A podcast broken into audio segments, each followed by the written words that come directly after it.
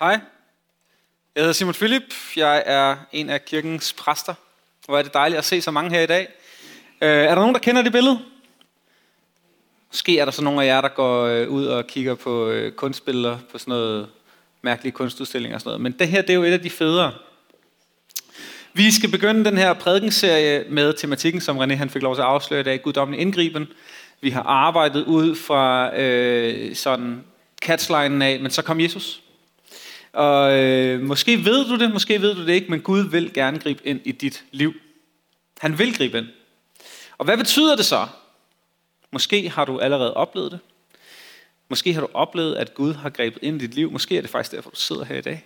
Gud har grebet ind i dit liv. Du har stået i en situation, som på alle mulige måder måske har virket umulig eller uoverskuelig, men du er kommet i, øh, igennem den her situation med retten til at sige, ja, det er rigtigt, det her det skete, men Jesus. Men Jesus gjorde noget. Jesus greb ind. Gud greb ind og gav dig et vidnesbyrd om, at der findes en Gud i himlen. Gud er ikke død, men han lever, og han lever i blandt os i dag. Han lever inden i dig og mig, hvis du følger ham. Jeg har lavet et rigtig sejt PowerPoint. Øh, og vi skal lige en tilbage. Der. Øh, kan I se, at det sådan går lidt igennem med skriften og sådan noget? Det tog virkelig lang tid. Øh, men det er fedt. Nu har jeg fundet ud af, hvordan man gør. Øh, og i dag, der skal vi tale om vandringen til Emmaus. Og øh, konteksten er, Jesus, han er blevet korsfæstet. Og han råber, Fader, i dine hænder betror jeg min ånd. Og et af de eneste retfærdige troende medlemmer af det jødiske råd, som lige har været med til at forråde Jesus og få ham henrettet. Han hedder Josef, og han får lov til at hente Jesu læme øh, til at begrave det i den her klippegrav, som øh, han bliver begravet i. Tre dage senere er der nogle kvinder, som finder graven. De finder den tom. De møder en engel, som fortæller dem, at der er ikke nogen herinde længere. De fortæller det til de andre, som har kendt Jesus, som øh, siger, det er tom snak. Men Peter, han farer ud, og han finder kun et linnedklæde liggende i den tomme grav. Og øh, vandringen til Emmaus i Lukas evangeliet kapitel 24, hvis du vil følge med i din, øh, i din meget store bibel eller på dit device, så er det en meget unik og specifik tid i forløbet, i historien, i evangeliet, Lukas evangeliet. Det er efter, at Jesus er opstået. Han har vundet, og det er før, han drager til himmels. Det her det er en tekst, vi kommer til at vende tilbage til i år. Jeg, øh, der er et eller andet her, jeg tror, vi skal undersøge sammen. Og øh, nu er det faktisk sådan, at den her gudstjeneste her til formiddag har slået mig lidt ud af kurs. Øh, og øh, jeg tror jo faktisk, at kernen er, at når Gud griber ind, så leder det os til omvendelse. Gud greb ind i dag i den her gudstjeneste, er det ikke rigtigt? Der skete noget i dag, jeg tror, at Sjølundkirken har savnet. Og jeg tror, at det her det er et lille fli af det, som Gud han har savnet at gøre blandt os. Helligånden har savnet at virke i blandt os i det her fællesskab. Og der er så meget mere. Der er så meget mere. Og når vi får lov til at se det som en dag som i dag, så leder det mit hjerte til omvendelse. Kan det blive bedre? Hvad gør jeg forkert? Hvorfor er det ikke mig, der faciliterer noget? Skal jeg gøre et eller andet andet? Hvad er det, der skal til i sidste ende? Så bryder Jesus ind og sætter dagsordenen. I vandringen til Emmaus. Emmaus på græsk. I kan se, der er sådan en lille accenttegn over uget. Så det hedder faktisk Emmaus. Man lægger trykket på us. Emmaus. Det betyder varme bade. Det kommer jeg ikke til at fortælle jer, hvorfor det gør, men øh, det kan I jo sidde sådan og fundere lidt over, når I falder i søvn til min prædiken. Øhm. Det her det er et stykke i, øh, i Bibelen, hvor øh, der er fyldt med fortvivlelse, sorg. Alle er fortvivlede. De her to mennesker går en tur og de er i et limbo mellem alle de menneskelige følelser. Hele spektret bonger ud, det hele er i spil. Og den her tekst, den er særlig speciel, og vi kommer til at, øh, Øh, vende tilbage til den, som jeg sagde, øh, omkring påsken. Men øh, så kan du så spørge Simon Philip, er det ikke nok at læse en tekst en gang? Og nej, det er det ikke. Gud er uudtømmelig, og det tror jeg også, hans ord er. Der er hele tiden noget, han kan åbenbare, der er hele tiden noget, han gerne vil fortælle. Så går man måske de næste 40 år med Gud, så læser man det samme igen, og så er det bare noget helt nyt. Men i kapitel 24, i vers 13, der begynder der en helt særlig lille fortælling, som nærmest er en, øh, en fortælling inde i fortælling om det her forløb med Jesus øh, død og opstandelse. Det er en indskudt beretning, øh, vandringen til Emmaus. Det er sådan en øh, halvdagsvandring på 11 kilometer, alt efter længden af de ben, som går. Øh, vi går til vers 13. Men den samme dag var to af disciplene på vej til en landsby, som ligger 60 stadier, altså de her 11 kilometer, fra Jerusalem, så de har Jerusalem i ryggen. Og det sted hedder Emmaus. De talte med hinanden om alt det, som var sket. Og det skete, mens de gik og talte sammen. Og drøftede det indbyrdes. Så kom Jesus selv og slog følge med dem. Men deres øjne holdtes til.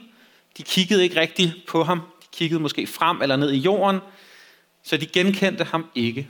Han spurgte dem, hvad er det, I går og drøfter med hinanden? De standstede og så bedrøvet ud, og den ene af dem, Kleofas hed han, svarede, er du den eneste tilrejsende i Jerusalem, der ikke ved, hvad der er sket i byen i disse dage? Og prøv at lægge mærke til retorikken. Den eneste tilrejsende. Sig mig, er du lige ankommet med færgen, eller hvad? Han taler til Jesus, den Jesus, som sad på oliebjerget som Jerusalems centrum, og nu bliver han betragtet som en fremmed i deres by. Jesus havde jo allerede tidligere sagt i kapitel 13 i Lukas evangeliet, hvor ofte vil jeg have samlet jer, som en høne samler sine kyllinger, men I vil ikke. Og hvad er det, Bibelen siger? Pas på, hvordan du underholder fremmede, for derved har mange underholdt engle, uden at være klar over det. Er du bare en fremmed i Jerusalem, som intet ved, hvad der er sket? Er du helt væk, eller hvad? Og Jesus leger med, og han spørger investeret og interesseret, hvilke ting? Og de svarer ham, det med Jesus fra Nazareth, som var en profet, mægtig i gerning og ord over for Gud og hele folket. De her to, som går til Emmaus, de er sammen med Jesus. De taler med Jesus, om Jesus. Og alt, hvad der er sket omkring Jesus og hans person, uden at fatte, at det er Jesus, de taler med. De taler med ham, som om han er en total fremmed. De er faktisk ikke sådan helt interesseret i, hvem han egentlig er. De har nok i hele deres følelsespektrum. Han er en tilrejsende, en turist i deres lille verden. En turist i vores lille verden. Jesus er blevet en fremmed i Jerusalem på tre dage. Er det ikke spøjst, når øh, mennesker, som taler rigtig meget om Jesus, de ikke genkender den Jesus, de taler om, når de møder ham ansigt til ansigt? Når Jesus krydser deres vej. Og de, som taler om Jesus, har ikke evnen til at genkende den Jesus, de taler om. Fordi nogle gange, og meget ofte faktisk, så er den Jesus, vi taler om, faktisk ret anderledes end den Jesus, som går sammen med os. Hører I det? Er I med? Mega fedt PowerPoint. Og hvordan vores ypperste præster og rådsherrer har udleveret ham til dødsstraf og korsfæstet ham. Kan I se, hvor stærkt det er? Her præsenteres de her to disciples totale overvældelse. De verdensstyrende autoriteter i deres verden, både de identitetsbærende ypperstepræsterne, som de har haft total tillid til for at være rettroende, rettroende jøder, og så den her besættelsesmagt, romerne, begge to herskere, som har haft de her jøders liv og død i deres magt. De gik sammen om at dræbe Jesus.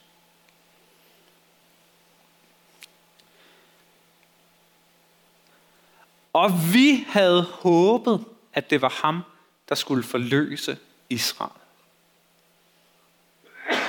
De er skuffede. De er kede af det. Vi troede, at Jesus skulle frelse os fra romernes besættelse. De er kede af det, fordi deres forventninger ikke blev mødt. De havde jo en plan. De har set Jesus i fuldt vi gør. Han skal frelse Israel. Og det er ikke sket. Fordi deres Israel har overskygget den Messias, der kommer for at sætte dem fri. Jeg tror nogle gange, jeg har mange små Israel-begreber i mit liv, som overskygger det, som Jesus gerne vil gøre i mit liv. Fordi jeg bliver fokuseret på et eller andet, som jeg siger, hvis det der bliver løst, så bliver det godt. Hvis jeg bare kan overvinde den her problemstilling, Gud, så bliver det godt. Hvis jeg kan komme fri af det her, som er fuldstændig uretfærdigt, det der sker for mig lige nu, så for Gud, du må da kunne forstå, du skal frelse Israel. Du skal frelse mig.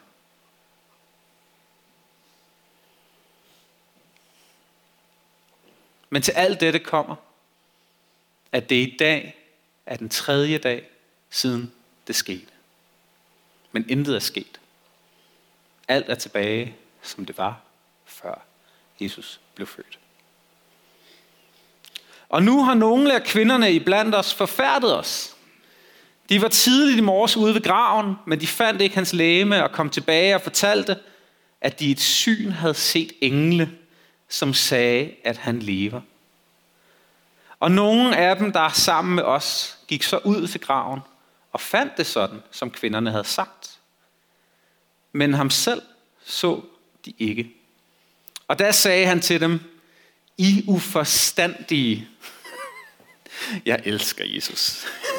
Særligt lige her, ikke? fordi det får mig til at føle mig lidt bedre med mig selv, fordi Jesus han vil give dig en overhaling. Ikke? Han sagde ikke, nu skal jeg klø dig lidt på ryggen og lige fagne dig, mens jeg giver dig en akademisk indføring i det genopstandende Kristus og hans messianske autoritet. Nej, han sagde, dit fjols. Ikke? Bonus fra teologens ordbog. Uforstandige kommer af det græske ord anuetos. Det betyder faktisk lidt nærmere end uforstandig, at man er uden tankevirksomhed. Eller tykpandet. Eller uden for pædagogisk rækkevidde, det står i ordbogen det her, det er det, det betyder. Altså, øh, uforstandige, den er sådan, ja, det er det jo lidt, fordi det er jo sådan, det sagde man måske i 1830'erne til nogen, og det var virkelig sådan. Men det her, det står der i dag, og så min øh, favorit til sidst, gennemgribende dum. Sig mig engang, er du gennemgribende dum? Og så fortsætter han. Og så tungnemme. Det er jo sådan noget, øh, mine forældre sagde, tror jeg. Ikke? I dag, der vil man jo sige langsom. Ikke? Og så langsom til at tro på alt det, profeterne har talt. Skulle Kristus ikke lide dette og gå ind i sin herlighed? Skulle han ikke dø og træde ind i sit himmelske rige for at sætte os fri? Det var det der med larmet og et alter og et offer. De fatter det ikke. Og så står der, og han begyndte med Moses og alle profeterne og udlagde for dem, hvad der stod om ham i alle skrifterne. Og de var næsten fremme ved den landsby, de var på vej til. Og Jesus lod som om, at han ville gå videre, men de holdt ham tilbage og sagde, og altså, har du nogensinde haft så god en samtale, hvor du bare tænkte, jeg vil ønske, at den aldrig stoppede, den her samtale. Det her, det er bare godt. Okay? ikke? Bliv hos os. Det er snart aften, og dagen er allerede gået på held. Så han gik med ind for at blive hos dem, og mens han sad til bord sammen med dem, så tog han brødet, han velsignede det, han brød det, og han gav dem det. Og der åbnedes deres øjne. De genkendte ham, men så blev han usynlig for dem. Og de sagde til hinanden, brændte vores hjerter ikke i os, mens han talte til os på vejen og åbnede skrifterne for os. Brændte vores hjerter ikke i os. I dag, der taler vi om guddommelig indgriben. Intervention, siger man også på dansk. Skal vi bede sammen?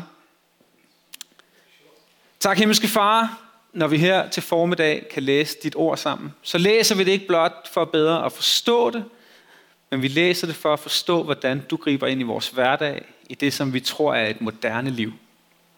Vi læser for at forstå, at vi kan komme til at tale om dig og stadigvæk ikke genkende dig. Vi læser for bedre at kunne forstå, at når vi er i dit himmelske nærvær, så kan vi indtrængende lære noget nyt om dig. Vi vil se dig, og vi vil se din mægtige gerning, og sætte vores hjerter i brand, når vi læser i dit ord, når vi hører dit ord. Giv os en passion og en længsel efter at kende dig mere.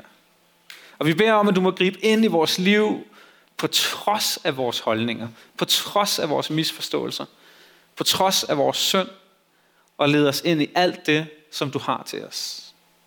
Og tak fordi du er mægtig, og tak fordi du griber ind i vores liv. Amen. Så vi har en Gud, der griber ind. Nogle af os har virkelig behov for Guds indgriben. Nogle af os tør stå ved det. Det vi formår at gøre på egen hånd, det er stort set altid utilstrækkeligt. Kender I det der begreb intervention? Jeg ved, der er nogle af jer, der arbejder med sådan her intervention. Nogle har prøvet det i jeres familie måske. Det er noget, man gør, når man står over for et menneske, eller står med et menneske, som er i færd med at ødelægge deres liv. Så samles man omkring dem, man har talt sammen om dem. Man har, man har, man har haft en, en samtale, måske i længere tid, om hvad er der galt? Hvad er det, der sker? Men en ting er man enige om, det skal stoppe. Hvorfor? Fordi der er et eller andet menneske, man elsker, eller holder af, eller har et ansvar overfor, som er på vej ned i afgrunden. Man hjælper, man sætter grænser. Man ønsker ikke, at et menneske bliver ødelagt, eller kommer helt på afvej, eller man mister dem. Og sådan er det også med Gud. Vi har behov for, at Gud træder ind i vores liv. Vi har brug for, at han forstyrrer vores dagligdag, bryder ind i vores samtale, bryder ind i vores gudstjeneste og viser, hvem han er. En Gud, som træder ind i vores situation, vores omstændigheder og påvirker vores personlighed, vores karakter, vores adfærd, vores holdninger, vores meninger. Og der er øjeblikke i dit liv og i mit liv, som kræver Guds indvirkning, fordi vi ikke lader andre få lov til at gribe ind. Gud sender mennesker til os, til dig og mig, for at gribe ind i vores liv, for at korrigere, for at vise noget mere om, hvem vi er, men vi lader, ham ikke, vi lader dem ikke komme tæt på. Vi afviser folk, der kommer til os. Men så er det godt, at Gud han altid har et trumfkort. Han har en måde at træde ind i vores liv på, så vi ikke kan undgå at lytte til ham og se ham. Hvor mange herinde har prøvet det? Hvor mange herinde må krybe til korset og sige, okay, Gud han greb ind i mit liv. Jeg har i hvert fald. Ja, der var nogle stykker, der var nogle stykker, der var nogle... Jamen kom nu, vi er her sammen, der er ikke noget at være bange for. Eller det, måske... Jeg har et vidnesbyrd, jeg vil fortælle. I, øh, i midt-90'erne, så der har jeg jo været en, en ung dreng. I midt-90'erne var, øh, var min mor og jeg inviteret til, øh, eller jeg ved faktisk ikke, hun havde sikkert snakket med nogen, der skulle et eller andet, og så skulle vi også det. Øh, men vi skulle til øh, Pinsevækkelsens øh, sommerlejr i Jylland. Øh, det har været i sådan noget 95 eller sådan noget. Øh, jeg har et billede derfra. Jeg har et, øh, et, et halvt lille billede fra, øh, fra den bil, vi skulle køre i sammen med nogle andre. Øhm, og vi er jo tilbage i midt-90'erne, og den her bil var ikke fra 90'erne, den var lidt ældre. Så seler, det var sådan den, der var heldig at få en på, fik en sele. Og øh, fem pladser, det er jo kun vejledende. Der kan være nok mennesker i en bil, og vi skulle have nogle telte med. Og øh, så var det ellers bare på fuld Gaddafi og øh, afsted til Maja. Ikke? Øhm, lidt en varm tur, når der ikke er aircondition. En dansk sommer, når solen har skinnet, det har været sommerdagen. Og øh, godt på vej derover, og vores bil går i stå. Vi øh, må dreje ind i nødsporet. Og jeg kan huske det her sådan ret godt, fordi jeg kan huske den her virkelig nederen stemning, der kommer, at når den her øh, lortespand bare lige pludselig ikke vil køre videre, ikke?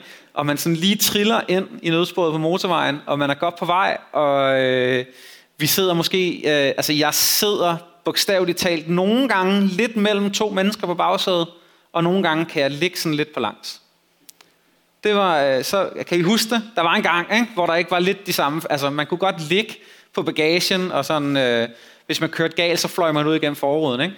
Øh, jeg var nok bare blevet kvæst mellem forsæder og bagsæder, hvis der var sket noget. Men vores bil, øh, den gik i stå, og øh, Finn, som han hed, han skulle ud og åbne låget og kigge ned, og de kunne simpelthen ikke finde ud af, hvad der var galt. Og, øh, men inden vi kørte galt, der havde vi kørt bag en eller anden lastbil, og jeg kan huske den der lastbil, fordi den havde sådan en orange farve. Øh, og det var sådan lidt, så kunne man sidde og kigge lidt på den, og nej, en pæn lastbil, og øh, det kan jeg simpelthen bare huske. Og jeg tror, vi holder et kvarters tid, husker jeg det som. Indtil at øh, alle ude på vejen begynder at sænke farten. Og køen, den vokser og vokser og vokser. Til sidst så er motorvejen helt stille. Og efter noget tid, så kommer der redningskøretøjer. Og vi finder ud af, at den der lastbil og tre andre biler bagved den, og biler foran den, har haft et kæmpe harmonika sammenstød. Og de er fuldstændig altså, kvast. Jeg ved ikke, om der er nogen mennesker, der er kommet noget til. Jeg kan ikke huske det. Jeg kender ikke detaljerne omkring det. Det delte man ikke lige med en øh, dreng fra første klasse. Øh, men jeg ved, at der var et stort uheld. Og vi havde været, eller de voksne havde været utrolig frustrerede og sure og vrede over den her bil, som var gået i stå. Og, øh, og de arbejdede og kiggede, og der var ikke noget at se. Der var vand nok på, og der var olie på, og vi havde tanket, og der er ikke hul i tanken. Og da det hele begyndte at køre igen, jeg kan huske, vi var der nogle timer, for jeg sad sådan ude på autoværnet sådan og kiggede lidt og sådan noget. Da det begyndte at køre igen, så startede bilen. Så kørte vi til Maja. Det var faktisk det år, jeg ved ikke, om der er nogen af jer, der sådan har været på Majas stævne, pinsevækkelsestævne sådan i 90'erne, men det var det år, hvor lynet slog ned i en stor kloakledning ude ved en eller anden grusvej, og der var rotter ude i folks telte og sådan noget. Det var sådan Aah! virkelig ulækkert og sådan noget. Så det kan være, der er nogen, der kan pinpointe, hvilken dato det var, øh, hvilket årgang det var. Øh, og det regnede forfærdeligt. Der var sådan en storm. Øh, der var nogle træer også, der væltede og sådan noget. Og vi lå nede under de der træer, så vi skulle sove i den der bil. Øh, min mor var ikke så glad for lyn og tordenvejr. Altså det, det kunne buller lidt i horisonten, og så røg man under stuebordet. Det var fuldstændig meget. Det, sådan var det med min mor. Øh, hun var ikke så glad for torden. Øh, der var ikke noget galt med den der bil hele ugen. Der var ikke noget galt med den der bil, da vi skulle hjem.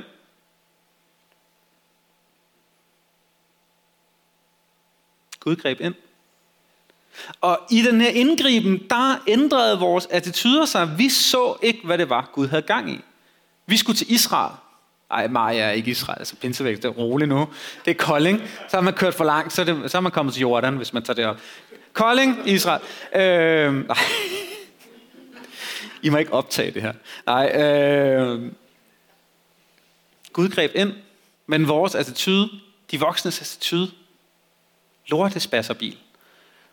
Men det var Gud, der stoppede bilen. Ellers havde vi været med i den uheld der. Det var den lastbil, vi havde ligget lige bagved, og de havde bare klasket sammen, alle sammen. Kan I se, hvor jeg vil hen med det? Er I stadig med? Så tilbage til teksten. Jesus viser sig i 40 dage efter opstandelsen.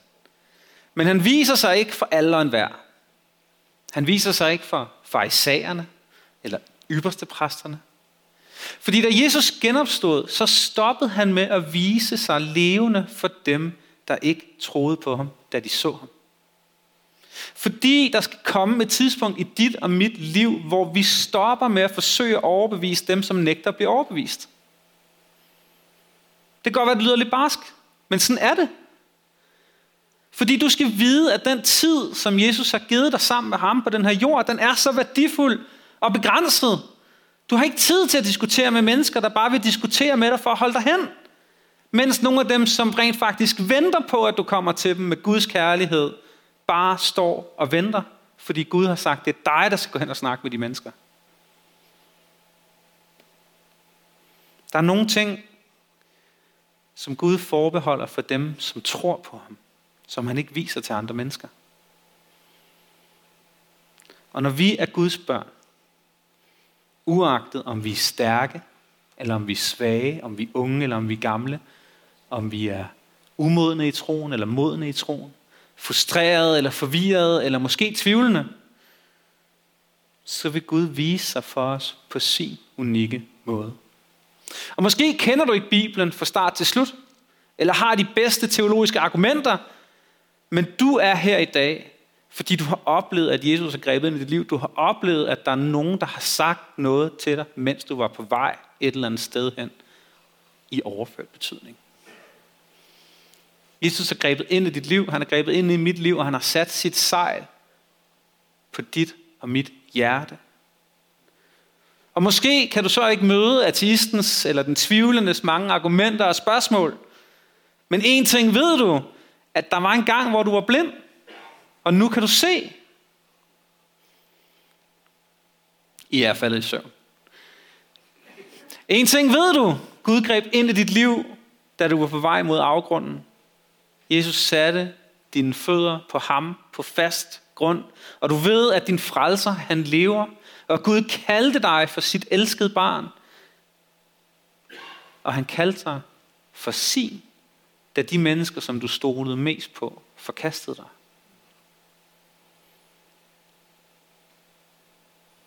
Jesus hænger ud i 40 dage efter opstandelsen. Han partycrasher over alt, hvor han kan komme til. Han går igennem døre, han møder disciplen Thomas, som sidder på sit værelse i total fortvivlelse, fordi han tvivler på, om Jesus nu også virkelig var den, han sagde, han var. Og inderst inden er han bange, fordi han ikke mærker noget. Der sker ikke noget. Fordi Jesus gjorde jo ikke det, som han troede, han ville gøre. Han frelste ikke Israel fra romernes besættelse. Jesus kommer til ham, og så viser han ham sine gennemborede hænder. Jeg vil gerne tale til de af jer, som er her i dag, som faktisk er skuffet. Og du har været skuffet, fordi Gud ikke gjorde, hvad du troede, han ville gøre. Og jeg vil bare gerne sige til dig, at bare fordi Gud han ikke gjorde det, som du troede, han ville gøre for dig, det betyder ikke, at han ikke er med dig. Disciplene troede, at Jesus var kommet for at genoprette dem nationalt. Genoprette deres identitet, for at blande sig i politik, smadre romerne. Men han kom altså for at ødelægge en anden besættelsesmagt. Djævlen. Bare fordi Gud han ikke gjorde, hvad du troede, han ville gøre, så betyder det ikke, at Gud han ikke gør noget i dit liv. Det er hos ham, vi kan lægge vores depression. Fordi skjult inde i en depression, skjult inde i vores modløshed, der er der faktisk noget arrogance. Fordi Gud han levede ikke op til dine forventninger, til mine forventninger. Underkastelse. Det betyder ikke, at du er svag. Og det betyder ikke, at du er skrøbelig. Det betyder ikke, at du er tankeløs. Men det betyder, at du har fundet noget, der er vigtigere end det, du selv troede var det vigtigste.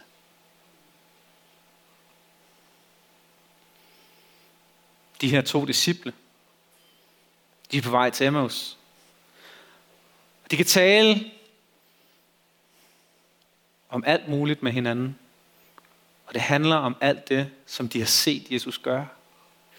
Deres tanker, deres liv, deres identitet er gennemsyret af vidnesbyrd om, hvad de har set Jesus gøre i blandt dem. De har et overflow af, hvad der har været mest betydningsfuldt i deres liv.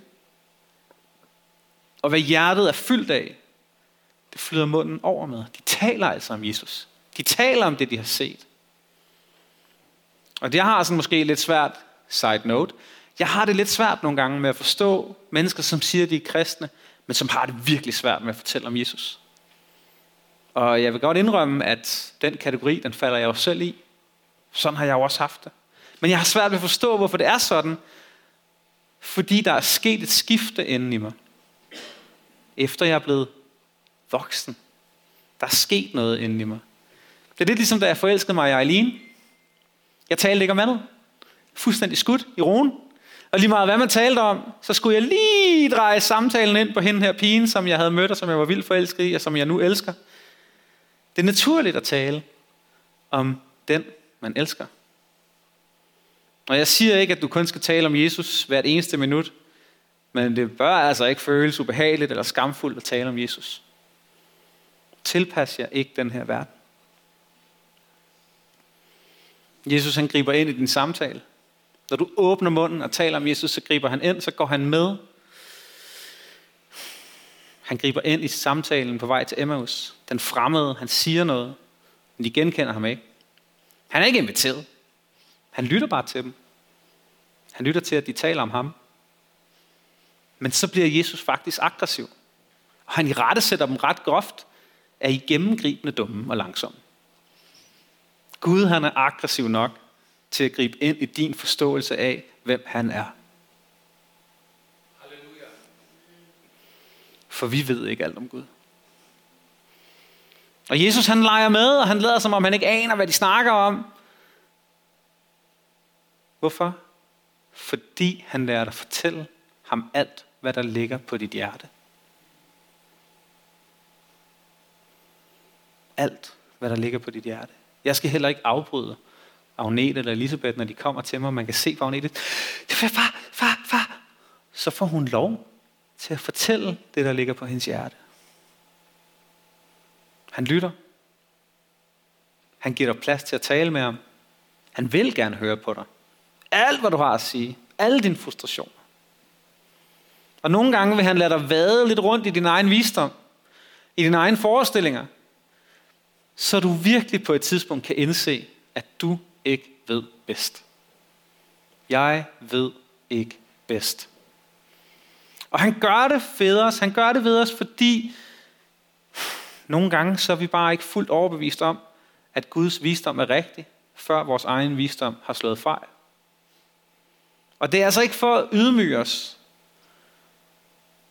men det er for, at vi kan nå til et punkt, hvor kærligheden til Jesus kan vokse ud over rammerne for vores menneskelige forståelse. Og det er sådan, vi kommer ned på knæ og tilbærer ham. Og beder ham om at gribe ind i vores liv, i vores forståelse, i vores ægteskab, i vores ensomhed, i vores stolthed, i vores brudhed, i vores vrede. For vi kan ikke se Gud, hvis vreden overtager os. Vi kan ikke se Gud, hvis den skuffelse, vi holder imod nogen, ikke bliver afleveret til det rigtige sted til ham, der gerne vil lytte på os. Og vi kan ikke genkende den Jesus, som går sammen med os, hvis vi stiger os blinde på det, vi troede var planen. På det, vi troede var rigtigt. På min teologi. På min måde at gøre tingene på.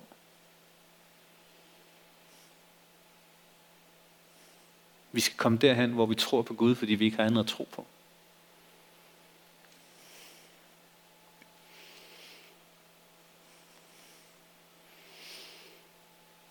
Han siger sådan her, Åh, fjolser, I er så langsomme til at tro på alt det, profeterne har talt. Skulle Kristus ikke lide det der gå ind i sin herlighed? Og han begyndte med Moses.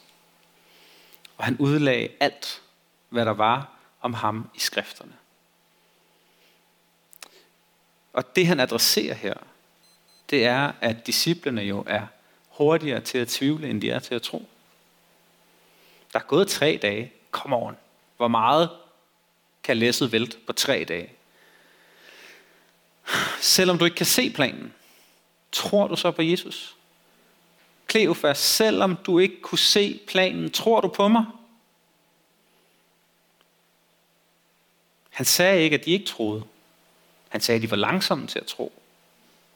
Fungerer troen lidt for langsomt i dit liv? Hvis jeg sætter mig ind bag din bil, når du er ude og køre, hører jeg dig så klage mere, end jeg hører dig tro og prise og takke? Hvordan skal det hele lykkes? Jeg ved det ikke, men jeg ved, at Jesus griber ind. Og han begynder at tale til dem over en 11 km lang vandretur. Og så starter han bare forfra med de her to stakkels disciple. Ikke? Han starter fra Moses, og så kører han bare opad. Han trawler bare alle profeterne igennem i det gamle testamente til de her to fortvivlede, nedtrykte mennesker. Og ved du, hvor mange messianske referencer der er mellem første Mosebog og Lukas evangeliet? Jeg gør ikke. Der står, at han brugte alle skrifterne. Og alt, hvad der stod om ham. Hele fortællingen, der ledte op til det her øjeblik i menneskehedens historie, han, de får altså bare hele turen. Ikke? Han optimerer deres kode, han optimerer deres programmering. De får en total reboot i deres sind, i deres ånd, og han retfærdiggør, han legitimerer, han legitimerer og beviser, at han er den messias, som Israel har ventet på. Det er et mirakel i sig selv, at han når alt det stof på 11 km. Hvor hurtigt går man 11 km i nedtryk sindstilstand, slidte sandaler og i bane sol på en eller anden nederen grusvej i Jerusalem? Jeg ved det ikke, det går sikkert langsomt, ikke? Men ikke langsomt nok til, at man kan nå alt det stof. De genkendte ikke hans stemme. Bibelen siger, at mine får genkender min stemme. En fremmed vil de ikke følge. Hvorfor genkendte de ikke hans stemme? De har gået sammen med ham i tre år. Hvorfor kiggede de ikke på hans hænder, som Thomas kiggede på? Den disciple, som tvivlede. Og hvis Jesus var opstanden fra de døde, så havde hans hænder jo stadigvæk hullerne i dem. Hans side ville stadigvæk være gennemboret. Hans hovedbund ville stadigvæk have rifterne for den tornekrone, de har kronet ham med. De genkendte ikke hans ansigt. De genkendte ikke hans ar. De genkendte ikke hans sorg. Hvor blinde er de her to mennesker på vej til Emmaus, siden de ikke genkendte Jesus? Og da de når frem, så står der, at Jesus ville gå videre, men de stopper ham. Og jeg tror faktisk ikke, at Jesus han var ude på at gå videre. Jeg tror, han testede dem. Ville de virkelig have ham til at blive? De er endnu ikke klar over, at de er gået med Jesus selv. De fornemmer noget i deres ånd. Der er noget ved den her, den her mand. Deres hjerte er sat i brand, fordi de har hørt sandhederne om ham. Ordet om Jesus Kristus er blevet delt med dem, ligesom vi gør her søndag efter søndag. Ligesom du gør, når du læser din bibel alene, hvis du gør det. Sætter lydbog på. Men de inviterer ham ind, og de insisterer. De finder også en undskyldning, om det er ved at blive sent. Tror ikke, en voksen mand selv kan gå. Nej, men det er magt nu, kom indenfor. Hvorfor gør han det? Det gør han, fordi at vi skal åbne op for Jesus. Hvis du ikke kender Jesus, så er det dig, der skal åbne dit hjerte op for ham og invitere ham indenfor. Han kunne godt gå igennem døren. Det læser vi om. Lige pludselig så partycrasher han bare ved at gå ind og igennem vægge og igennem døre og alt muligt. Men han gør det ikke. Han havde al autoritet til at gå ind i huset sammen med dem. Men han gør det ikke, fordi vi skal invitere Jesus ind. Det er vores villighed, der gør, at han kommer til os. Vores inderste ønske. Og så fodrer han dem. Åndelig føde til deres fortvivlede sjæle. Og pludselig kan de se ham klart. De så ham først klart, når de spiste brød sammen. Hvorfor? Fordi de bragte tid med ham i den helt normale hverdag. De spiste noget mad. Vi har set det før. Ved nadvaren med alle disciplene. Jesus han brød brødet. Ved bespisningen af de 5.000. Jesus velsignede brødet. Der står i teksten, at der var noget, de så i brydningen af brødet, som de ikke så i noget andet. Jeg tror, at brødet er et symbol på livet med Gud. Og det er Guds orden for hele menneskeheden. Han tager dig, han bryder dig, han velsigner dig, og han giver dig til andre mennesker. Han tager dig helt tæt ind til sig. Han bryder dig, han velsigner dig, og han giver dig til andre. Der er nogle ting, du ikke kan lære om Gud, før han tager dig og bryder dig, velsigner dig og giver dig til andre mennesker. Og du er ikke klar til at blive givet til andre mennesker, før du er blevet velsignet. Og du er ikke klar til at blive velsignet, før du er blevet brudt. Mennesker, der er blevet brudt, er givere. Og mennesker, der ikke er blevet brudt, er selvcentreret. Kan man sige det sådan? Mennesker, der ikke er blevet brudt, er måske selvoptaget. Når du er blevet brudt, så er der noget, en, en, en ydmyghed inde i dig. Du forstår, hvad lidelse er. Du kan sætte dig i andre menneskers sted. Du kan række ud til nedtrykte og folk, der er ramte, og du forstår, hvad menneskelig lidelse er. Du kan forholde dig til dem. Du kan forholde dig til dem, fordi du har været der. Og lige der, der erkendte de, at det var Jesus. Og så forsvandt han. Antiklimaks. For hele formålet med vandringen og samtalen, brodet, velsignelsen, det var, at Jesus kunne åbenbare sig. Han kunne åbenbare, hvem han er. Hver gang Gud har brudt dig, var det for, at han kunne åbenbare noget mere af, hvem han er. Hver gang Gud han gik med dig, var det for at kunne åbenbare mere af, hvem han er. Og hver gang Gud han i rette sætter os, så er det for at åbenbare mere af sig selv for dig og for mig.